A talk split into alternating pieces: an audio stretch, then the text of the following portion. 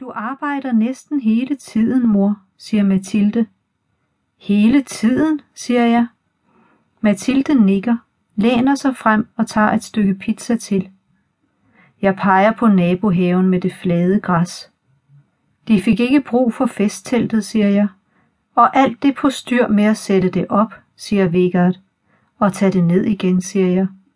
Det koster sikkert også en masse penge at lege det, siger han. Han propper pizza i munden. Mathilde ryster på hovedet. Og det var overhovedet ikke sjovt. Det var slet ikke sjovt. Hun ser på mig med åben mund. Var det ikke, spørger jeg. Hun ryster på hovedet. Jeg ser på Vegard. De har altid gang i et eller andet projekt, siger jeg. Altid noget stort, som de skal, og som tager tid og koster penge. Vegard nikker. De går hele tiden og sætter i stand, siger jeg, og den båd, de købte, bruger de næsten aldrig. Det virker som om, de aldrig slapper af, siger Vigert. Jeg tror faktisk, at vi er bedre end de fleste andre til at slappe af, siger jeg. Jeg krasser i noget afskallet maling på bordpladen med tommelfingerneglen. Du arbejder nok lidt for meget, siger Vigert. Men jeg kan lide det, siger jeg. Ja, siger Vigert. Men det her er for dumt. Du har hele tiden vidst, hvornår ferien begyndte.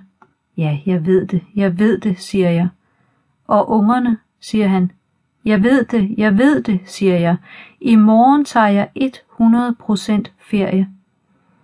Vigard rækker ud efter endnu et stykke pizza, rykker det løs fra resten. Skal jeg tage fisk med i morgen, spørger jeg. Jeg kan købe havtaske eller hellefisk, som vi kan grille.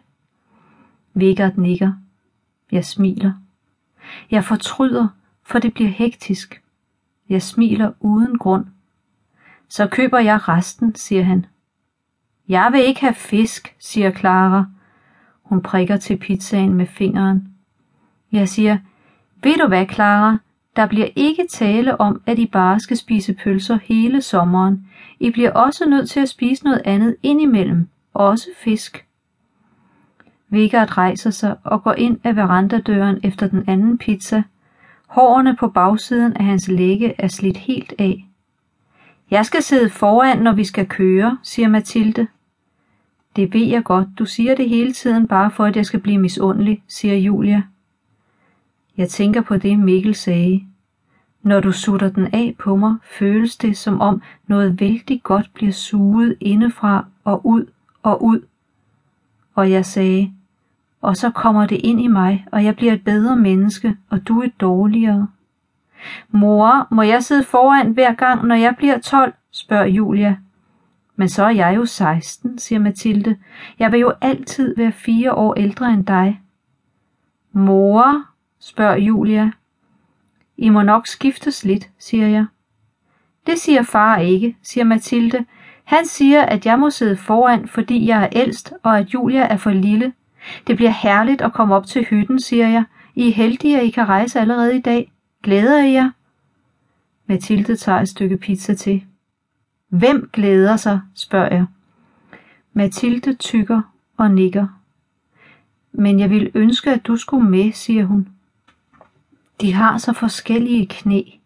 Klaras er runde, Julias slanke, næsten kantede, men stadig bløde, med plaster og sårskorpe, og Mathildes, og Mathilde er for gammel til, at man kan kalde hendes knæ runde og søde. De er kraftige, tykke. Men jeg vil have, at du skal tage med i dag, siger hun. Mathilde, jeg kommer jo i morgen, siger jeg. Men jeg vil have, at du skal tage med i dag, siger Mathilde. Ja, det forstår jeg, men det kan jeg ikke, siger jeg. Jeg skal jo lige gøre noget færdigt. Så kan jeg slappe af og holde rigtig ferie, fuldstændig og totalt, uden at tænke mere på mit arbejde. Mathilde ser ikke på mig. Jeg kommer i morgen, siger jeg. Hun klør sig på knæet. Vigard kommer ud med den anden pizza. Far, må jeg aldrig sidde foran, spørger Julia. Det er kun Mathilde, der er stor nok til at sidde foran, siger Vigard. Clara begynder at græde voldsomt. Jeg vil have mor med nu, græder hun. Clara, siger jeg. Jeg løfter hende op på skødet, stryger med hånden over hendes kinder. Det er helt okay, siger jeg. Jeg kommer i morgen.